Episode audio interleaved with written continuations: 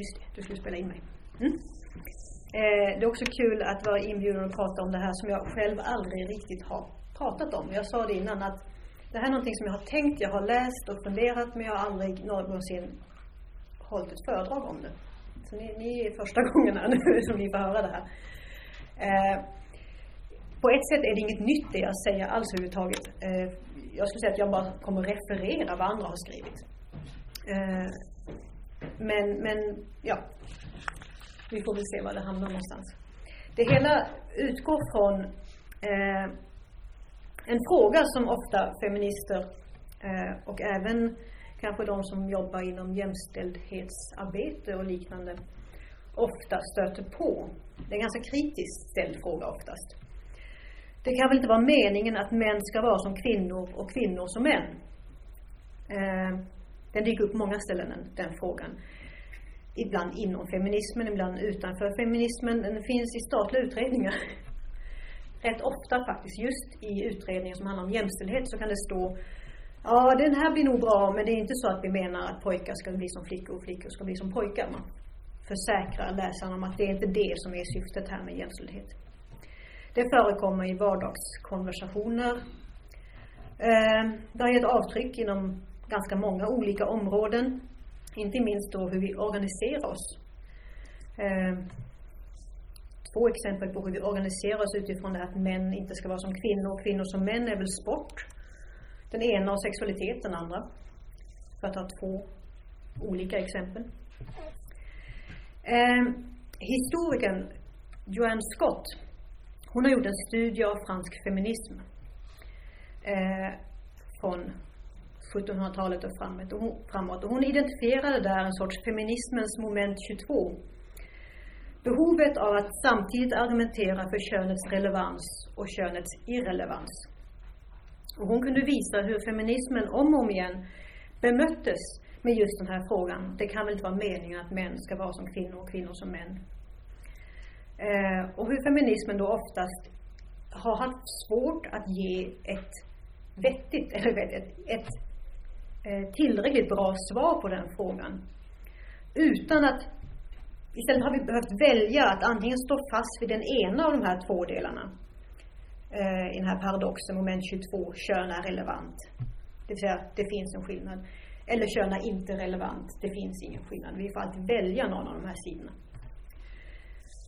Ehm, för de flesta som kanske är mer inlästa i feministisk teori så är det här en ganska tröttsam fråga oftast.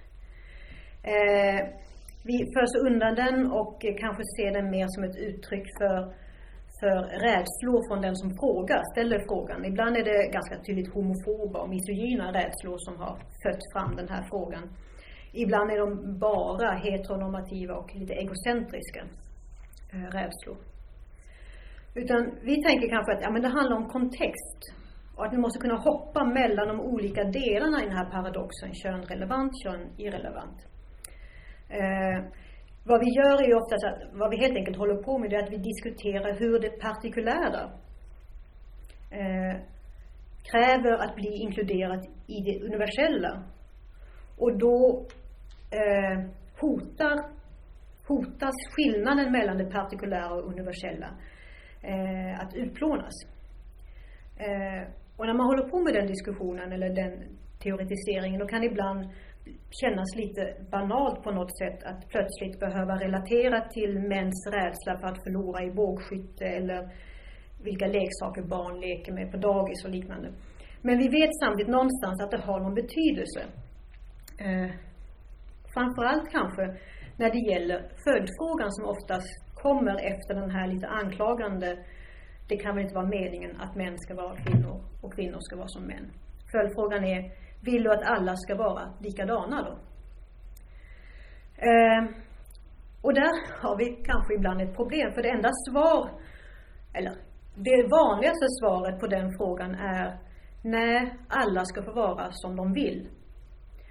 Och det känner vi genast igen, så fort vi har sagt det så känner vi igen det som liberalismens icke-svar på i princip allt. Eh, en sorts valfrihetens könsmarknad där identiteter och kroppar lösgörs från i alla fall den kritiska analysen. Det är med andra ord inte ett fullgott svar. Men vilka andra svar kan vi ge? Eh, Joanne Scott då, som kartlade den här moment 22. Hon vände sig, och hon och andra, till begreppet könsskillnad. På engelska är det sexual difference, på franska difference sexuell. Den så kallade könsskillnadsskolan, den ses ofta som synonym med just fransk feminism. Eh, det är en ganska besynnerlig hopsättning av tre eller fyra feminister. Varierar om det vilka man inkluderar. En av dem är faktiskt, bara en av dem är född i Frankrike, det är Monique Wittig. De andra är födda på andra ställen. Och hon är också den som kanske är minst fransk feminist av dem. Ibland nämner man även Simone de Beauvoir bland de här, men vanligtvis är det Hélène Cixous, Julia Kristeva och Luce Rivière som nämns. Och det de då har gemensamt, de tre, det är att de har arbetat med psykoanalys. Eh, Irigaray läste för Lacan, men hon bröt helt med honom enligt egen utsago för att hans psykoanalys var för patriarkal och inte inbjöd till självkritik. Och det har hon, hade hon förmodligen rätt i. Men om man ser till de här, de här namnen som jag nu, nu nämnt och deras plats inom feminismen i Frankrike så fanns det tidigt en splittring mellan en mer eh, anglosaxiskt influerad feminism framförallt representerad av Beauvoir och Wittig. De kallar sig feministrevolutionär. Och de hade fokus på anti-essentialism. Och det som vi idag kanske mer kallar likhetsfeminism eller socialkonstruktivism. På andra sidan fanns det då en mer inhemsk, lacaniansk, senare också derridiansk version. De kallar sig poepsik. Och där har vi Kristeva, Sixou och Och de hade fokus mer på kvinnan som eh, specifik. Specifik i förhållande till, till den symboliska ordningen. Specifik i förhållande till språket, till samhället, till lagarna. Men den här uppdelningen är självfallet helt ohållbar egentligen. Man kan exempelvis eh, se hur eh, den svenska psykoanalytikern Jörgen, Jörgen Rede, han har skrivit en bok som heter Begär och etik. Och i den kan man läsa om hur Lacan influerades av Beauvoir. Så redan där har vi förstört hela den här fina uppdelningen. Eh, om man läser Wittig kan man, Monique Wittig kan man se hur hon är influerad av Kristeva. Bland annat framför, framförallt då med, med det här eh, eh, experimenterandet med, med språket. Så den här uppdelningen faller än en gång. Jag tror att man skulle kunna se det som att även om de essentialistiska inslagen hos några av könsskillnadsskolans representanter har fått dominera vår, eh, och framförallt den svenska och också kanske den anglosaxiska syn på könsskillnadsskolan, så har feminister ända sedan Beauvoir aldrig varit nöjda med varken en sorts ren likhetsfeminism eller socialkonstruktivism, eller en sorts ren särartsfeminism med essentialistiska drag. Man har aldrig heller varit nöjd med någon typ av kompromiss mellan de här. Behovet av att avessentialisera och få in en maktanalys hos Freud och Lacan har gått parallellt med behovet av att materialisera socialkonstruktivismens eh, icke-kroppsliga identiteter det som först kallas för könsroll och sen på svenska kallas för genus. Eh, en av de som har försökt använda de här två franska skolorna på det här sättet att inte som en kompromiss mellan essentialism och socialkonstruktivism utan att se att de har gemensamt, att de arbetar med samma fråga, det är Judith Butler. Eh, jag kommer återkomma till henne. Men det finns fler än hon, även Elisabeth Grosch för att nämna ett annat eh, engelskspråkigt exempel. Eh, Elisabeth Grosch, hon menar eh, att Butler i första hand har bidragit till en radikalisering av könsskillnadsskolan genom att helt ta död på socialkonstruktivismens kroppslösa och ganska svaga ontologiska teoribygge. Socialkonstruktivismen är ju inte någon teori, enhetlig teori. Den, den är ju, inom feminismen saknar den helt någon typ av sammanhang.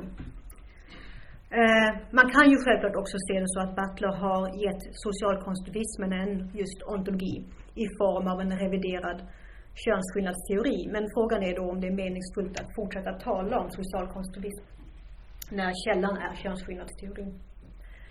Eh, jag menar nog att den här franska feminismen då, den är exempel på eh, en fråga som feminismen är helt uppbyggd kring.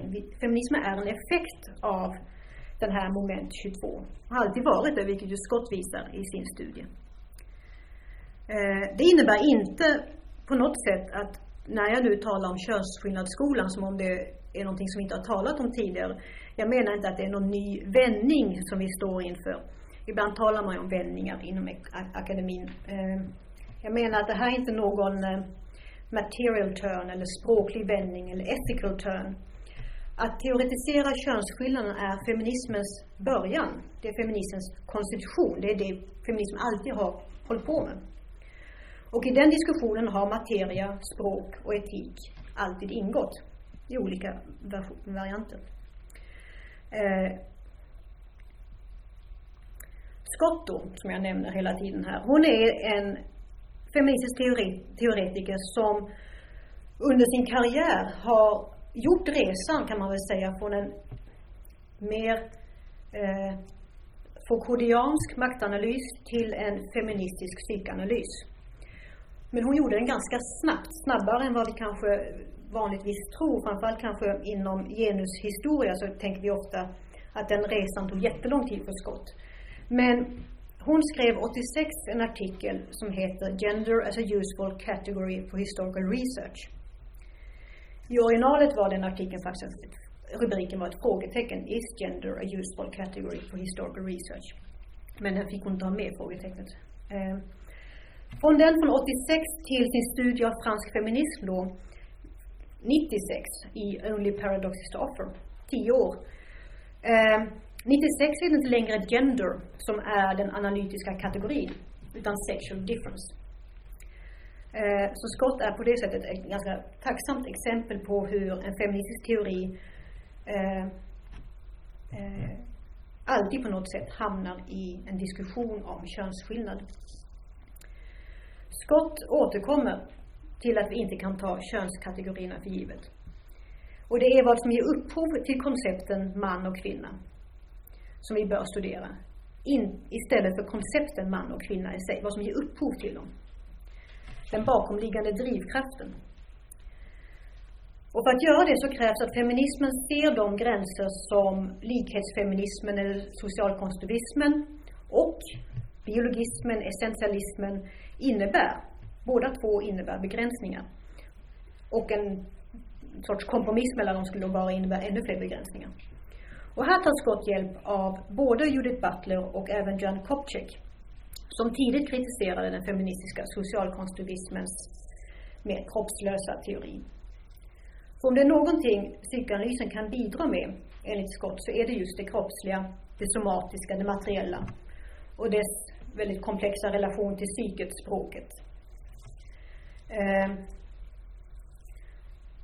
det är bara utifrån en sådan definition som feminismen kan börja tala om könsskillnad utan att slå knut på sig själv.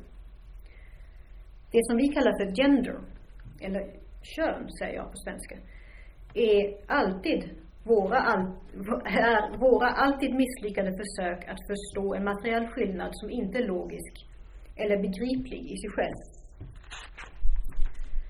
Jag ska återkomma till det.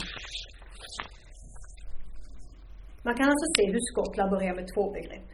Gender först. Och jag säger som sagt kön där, inte genus. Därför att för att visa att materialiseringen, förkroppsligandet, ingår i definitionen av gender. Eh, men gender, kön, är inte en analytisk kategori. Kön är vad vi i den symboliska ordningen tror oss veta om könsskillnaden. Man skulle kunna säga att gender, kön, är epistemologi. Eh, till skillnad från ontologi. Könsskillnaden däremot är ontologi, men inte i den bemärkelse vi kanske är vana att tänka oss. det vill säga reducera till en fråga om biologiska behov. Det är mer i en sorts eh, Derrida-bemärkelse, det vill säga differens. Ni hör inte skillnaden när jag säger den, men, men jag ser skillnaden i min text där det finns ett A istället för ett E. Förenklat kan man väl kanske, och mer av på sak, säga så här. Den kroppsliga könsskillnaden är materiellt obegriplig för oss. Vi ser den, men kan inte förstå den. Och i den ganska obekväma sits som det obegripliga då lämnar oss i, så försöker vi finna mening. Och det är där vi börjar skapa kön, gender. Alla försök att tillskriva könsskillnaden en mening eller en betydelse är epistemologiska. Och därmed är de också politiska, ideologiska, färgade av oss, så att säga, kunskap. Och det här inkluderar de olika försöken att se fortplantningen, reproduktionen, som könsskillnadens mening. Det är ju ett försök att fylla den obegripliga könsskillnaden just med betydelse, mening. Både då den bibliska versionen, för ökeneder, och den biologistiska, biologiska artens fortlevnad. Att utgå från att fortplantningen är könsskillnadens mening är att utgå från en teleologisk, alltså motsatsen till en kausal kroppsdefinition. Man kan säga så att enbart för att vi har en kroppslig funktion som kan leda till fortplantning betyder inte det att det är meningen med könsskillnaden. Att A är en effekt av B betyder inte att vi per automatik vet mer om B. Jag vet inte om det är en effekt av A. Ja. Att anta att föda barn är meningen med att vara kvinna, enbart för att en kvinna kan föda barn, är ungefär lika besynligt, om man ska dra en parallell, som att anta att enbart för att, en man, för att en man kan stå upp och kissa så är det per automatik meningen med hans liv. Att människor förökar sig leder till att människan fortsatt, fortfarande finns som art, effekten. Att man kan göra det. Men att utifrån det anta att det i sig är beviset för att detta är meningen är ironiskt nog att anta en tes som inte är falsifierbar. Eh, den är inte falsifierbar därför att de arter som inte förökar sig finns inte längre. Alltså har vi inte att jämföra med. Existens i sig är inte ett bevis för mening och begriplighet. Skillnad i sig är inte begriplig. Och det här gäller ju mer saker än könsskillnaden. Men könsskillnaden har blivit traumatisk. Den är synlig, vi ser den men kan inte förstå den. Vi kan inte fylla den. Eh, vi försöker fylla den med mening, men den finns inte. Eh, faktum är att den är så traumatisk att vi gör rätt mycket för att slippa se den här obegripligheten. Eh, vi använder oss av religioner, kultur, vetenskap för att fylla könsskillnaden med innehåll. Eh, det är då inte bara ganska tidsödande att upprätthålla den här förträngningen, det är även begärsskapande. Och det här, det finns lite olika versioner på samma tema. Vi har en freudiansk version som menar att enbart en typ av begärsskapande kön, gender, är önskvärt. För psykets bästa och civilisationens bästa. Eh, ett korrekt begär mellan könen kräver en korrekt könsidentitet. Hos Freud är det då åsynen av könsorganen som är central för att ett barn ska få ordning på sin egen könsidentitet. Men det är ganska oklart hos Freud varifrån den här betydelsen, eller begripligheten, som barnet har tillgång till inför åsynen av den här könsskillnaden, traumatiska könsskillnaden. Huruvida den då är ontologisk eller om den är epistemologisk. Den är ofrånkomlig eller om den är baserad på någon typ av, av eh, eh, förkunskap som inte kommer av sig själv. I vilket fall som helst, den förklaring som barnet då skapar tenderar att bli en ganska så patriarkal historia. Eh, det blir antingen kastrationsångest eller penisavund. Och även om den här utvecklingen då hos Freud ses som önskvärd, Eh, så kan man också se det som en, en beskrivning av ett patriarkalt samhälles lite desperata försök att fylla den här obegripliga könsskillnaden med något som männen i det här fallet vinner på. Men Freud, han kan inte svara på varifrån det begäret kommer. En lakaniansk version, och nu kommer jag återgå till Jörgen Reders och hans bok här. För som sagt, han ser hur Beauvoir spökar i bakgrunden hos Lacan. Och därför tycker jag att han beskriver det väldigt väl här. Eh, det kommer ett längre citat. Identifikation och identitet är sköra strukturer och kan alltid ifrågasättas. Blir ifrågasatta genom frågan om subjektets existens. Vad är, vad är jag? Är jag kvinna eller man? På det omedvetna jagets imaginära nivå eventuellt omformulerade till Är jag tillräckligt mycket kvinna? Eller är jag tillräckligt mycket man? Frågan som tillställs subjektet utifrån den symboliska ordningens binära opposition kvinna-man tvingar subjektet att om och om igen problematisera sin identitet. Ovissheten ger i sin tur upphov till ett behov av att befästa styrkan i den imaginära identiteten genom en motpol. Jagets narcissistiska struktur och dess paranoiska kunskap gör det disponerat att söka kontrollera sin motpart. Denna struktur kräver ju att i den andra möta den spegel i vilket jaget kan återfinna sig själv och har därför inte råd att lämna stort utrymme för den andres autonomi. Den oidipala strukturen har placerat mannen som den som har fallos. Och i det imaginära är han därför benägen att tro att han måste vara den som är allt. Den, denna imaginära position blir desto mer tydligt kontuerad och trolig för honom i proportion till styrkan i hans övertygelse att kvinnan är den andra. Inte ett annat subjekt, inte heller en symmetrisk like. Inte i första hand någon hans ego kan jämställas med att utbytas mot i den narcissistiska relationens transitivism. Utan en kompletterande figur. En som kan utgöra beviset på att han har fallos. Att han inte är kastrerad utan att han är det enda. Slut på hans citat där. Eh, man kan läsa det här som att för Lacan är patriarkatet till stor del fråga om epistemologi. Det som hos Freud var tecken på ett sunt och korrekt psyke för civilisationens bästa är hos Lacan ett psyke i ständigt kris. Förmodligen alltid redan en smula perverterat. Det som hos Freud är en väl fungerande relation mellan könen är hos Lacan en tragedi. Och då framförallt för kvinnan. Eh, Rede, han citerar Lacan, kortare citat här. Mannen tror sig skapa. Han tror och han tror. Han skapar och skapar. Han skapar kvinnan. I själva verket sätter han henne i arbete. I arbete på det enda. I arbete att upprätthålla mannens universalitet och subjektsgränser. Slutcitat här. Men ändå finns hon, den här kvinnan, som objekt och subjekt samtidigt. Beauvoir, hon satte fingret på det när hon skrev, citat här, Kvinnan står inte som subjekt inför mannen, men som ett objekt.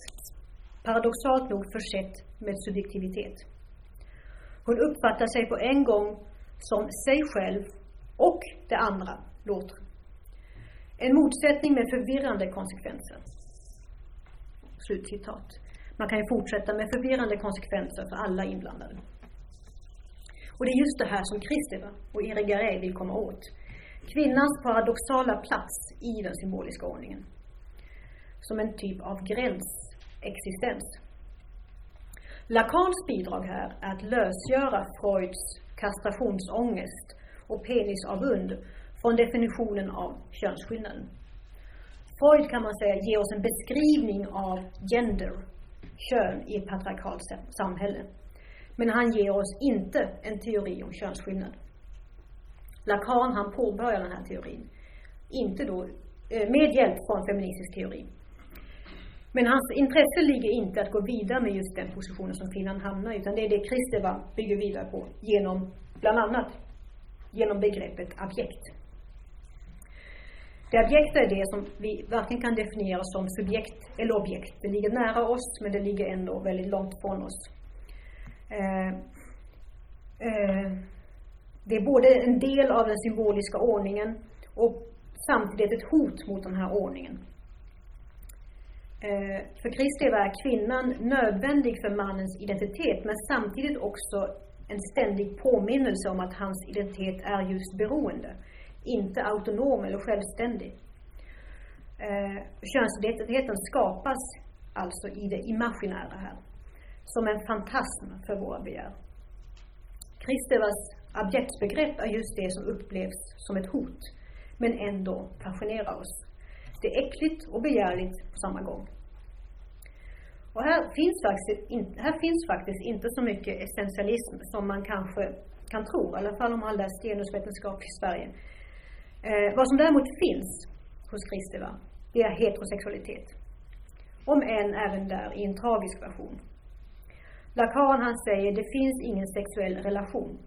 Fast han säger rapport på franska, vilket betyder samband. Det finns inget sexuellt samband. Eh, och han menade att hela bekörningsprocessen, sexuation, där alla blir kastrerade. Alla, inte bara kvinnorna. Men vi blir det på olika sätt beroende på om vi hamnar på den kvinnliga sidan eller den manliga sidan. Och det här leder enligt Lacan då till att kärlek, som han har skrivit mycket om, hela tiden riskerar att blandas samman med narcissism respektive självuppoffring. Den här idén om att det finns en sexuell relation, sexuellt samband mellan könen, det vill säga komplementaritet, eh, är imaginär och har tragiska, ofta patriarkala konsekvenser. Men samtidigt menar Lacan någonstans att det är denna omöjlighet, denna omöjliga relation som ger upphov till kreativiteten. Och Kristeva, hon är inne på en liknande linje. Det objekta hos Kristeva knutet till kvinnan, det är grunden för mannens ambivalenta begär och avsky för kvinnan. Och om det i vanliga fall ses som att man kan säga den outgrundliga kvinnan är det som ger upphov till mannens geni, så menar Kristeva att, att det här faktum att kvinnan är objekt ger möjlighet för kvinnan att vara kreativ kvinnligt skrivande som feministisk metod, inte för att skriva sig fri, men för att visa på att det är möjligt att existera i den här marginalen. Det är det hon kallar för ekrityrfeminism. Men någonting här är ju fortfarande fast. Kreativiteten kräver ett bekönat begär och en bekönad marginalisering. Det krävs fortfarande en relation mellan könen eller mellan de två positioner som bekörningen tillåter. Det må vara misslyckad men det är fortfarande det som är eh, orsaken till att vi gör någonting överhuvudtaget. Så den här icke-relationen är statisk.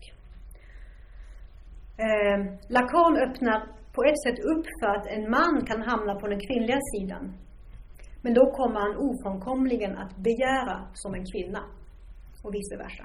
Det vill säga han lösgör könet men han har ändå kvar begäret som ett typ, typ av schema som all, aldrig bara tillåter två olika positioner.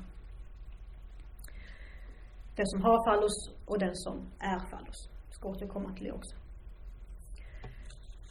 Vad Butler gör det är att hon tar allt det här. Freud, Lacan, Beauvoir, Christopher och så försöker hon utifrån dem utveckla könsskillnadsteorin lite till. För vad de alla har varit inne på är ju att förklara hur könsidentiteten ger upphov till ett sexuellt begär. Det är ett ofullständigt, frustrerande begär, men ändå ett begär. Butler, hon vänder på den. Kan det vara så att begäret ger upphov till könsidentiteten?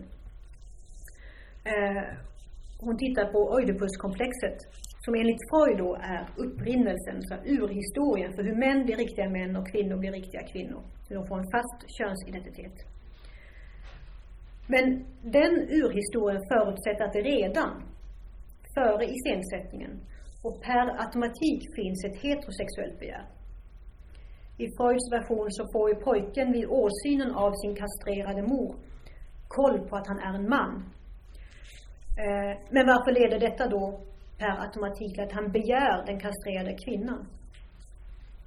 Butler hon introducerar melankolin för att förklara det här begäret. Det är inte hon som introducerar melankolin i Freuds begrepp, men hon använder sig av begreppet melankoli för att förklara det här. Melankolin är en känsla av förlust som inte kan erkännas. Det är på så sätt den skiljer sig från sorg. Där det som förlorats är ju uttalat, vi vet vad det är vi har förlorat, vi kan på så sätt sörja det. Vissa förluster går inte att erkänna. De är för stora, för traumatiska. Och därmed går de inte heller att sörja. Istället menar Butler med hjälp av Freud så bygger vi in melankolin i kroppen. Den blir en del av vår kropp och vår kroppsuppfattning. Så här skriver hon, och nu kommer ett längre citat. Jag ber om ursäkt för att det är engelska. Um, Consider that gender is acquired, at least in part, through the repudiation of homosexual attachment. Förvägran, förkastande, repudiation. The girl becomes a girl through being subject to a prohibition which bars the mother as an object of desire and installs that barred object as a part of the ego, indeed as a melancholic identification. Thus, the identification contains within it both the prohibition and the desire, and so embodies the ungrieved loss of the homosexual cathexis. If one is a girl to the extent that one does not want a girl, when wanting a girl will then wanting a girl will bring being a girl into question. Och motsvarande, if a man becomes heterosexual by repudiating the feminine, where could that repudiation live except in an identification which his heterosexual career seeks to deny? Indeed, the desire for the feminine is marked by that repudiation. He wants the woman he would never be, he wouldn't be caught dead being her. Therefore, he wants her.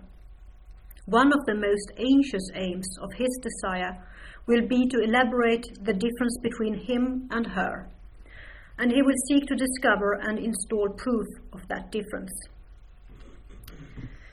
Eh, ett citat som på något sätt förklarar en stor del av, av vår, en patriarkal kultur, var den kommer ifrån.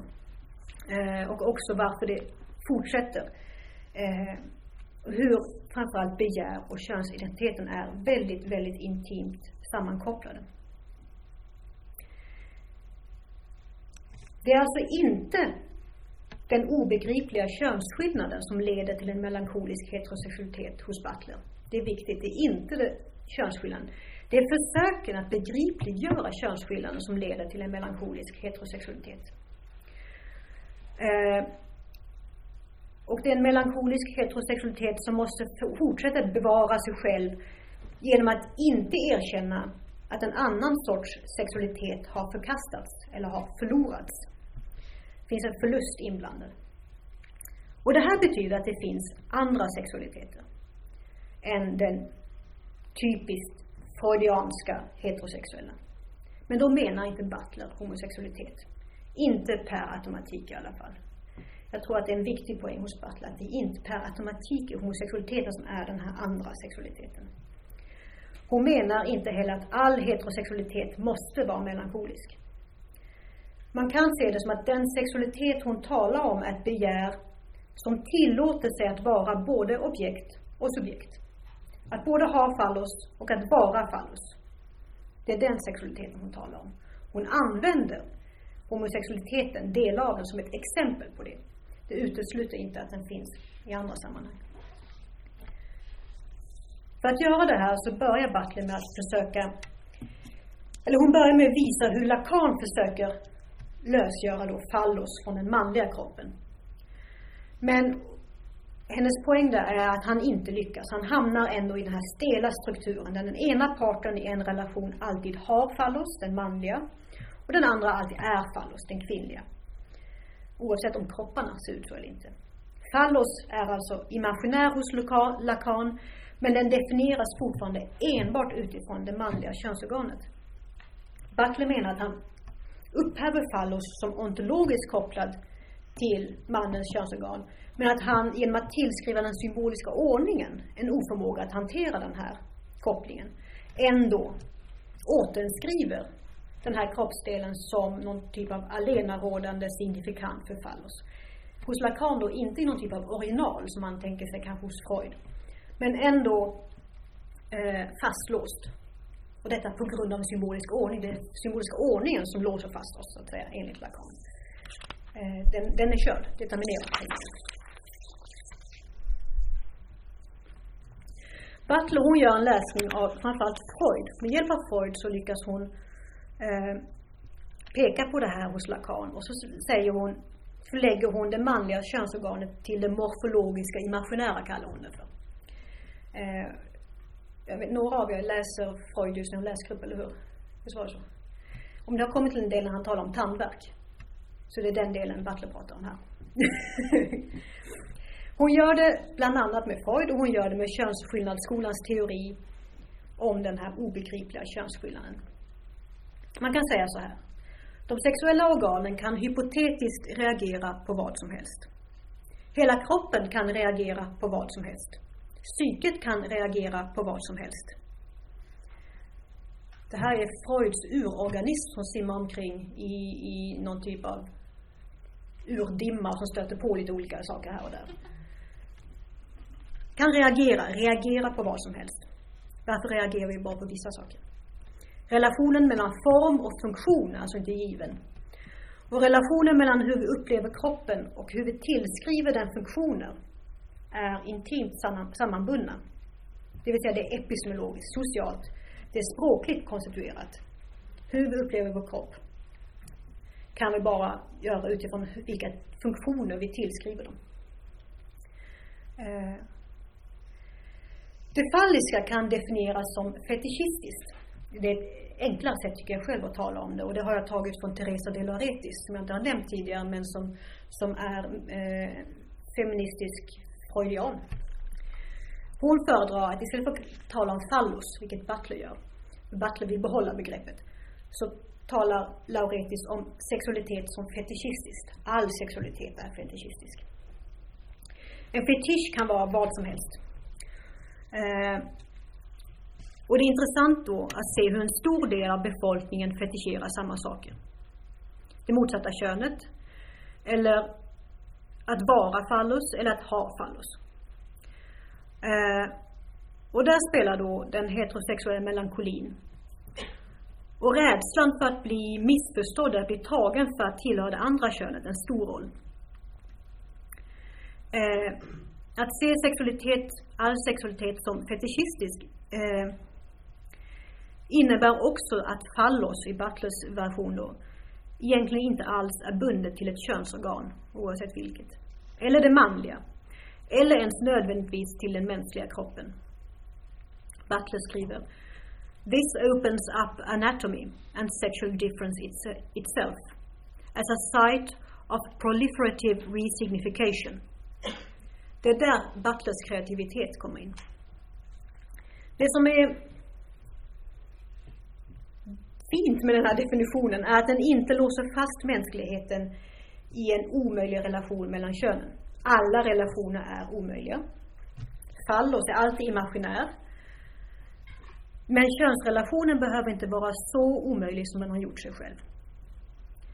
Mannen som subjekt och kvinnan som objekt är en ganska fantasilös och kulturellt inte särskilt givande relation för någon. Båda parter blir begränsade i sin relation framförallt kanske till, till kreativitet i resten av världen. Här tänker jag att man kan koppla tillbaks till både Kristeva och Beauvoir. Den marginaliserade positionen som både och, som kvinnan hos Kristeva och Beauvoir konstitueras utifrån. Det är ju en position som är rätt givande. Att veta hur det är att vara både objekt och subjekt samtidigt ger större möjligheter för både självreflektion och kritisk analys. Den borde kunna upplevas av alla. Även om män, de är ju också enligt Lacan kastrerade, ofullständiga och beroende. Skillnaden är bara att de för att upprätthålla den manliga positionen måste förtränga det. Men framförallt så öppnar Butlers definition av könsskillnaden upp för en annan möjlighet för könsskillnaden. Inte en som gör den mer begriplig, det hade varit gå helt fel väg. Vi ska inte jobba så mycket med att försöka förstå den. Utan en väg som erkänner dess obegriplighet och som därför bör kunna kunna identifiera de melankoliska inkorporeringarna. Förstå effekterna och kunna kritisera dem. Eh, att kunna se då att problemet inte är att det finns en könsskillnad. Utan problemet är att vi försöker förstå den. Och det skulle man kunna säga är svaret man skulle kunna ge till den som då ställer frågan, men vill du att människor ska vara lika? Ska alla vara likadana? Man skulle kunna, om man vill, säga det på engelska, för det låter ju alltid mycket coolare. coolare. You want difference, you can't handle difference. Och sen får man väl förklara vad man menar med det. Men jag tänkte sluta med den. Tack så mycket för att ni lyssnade.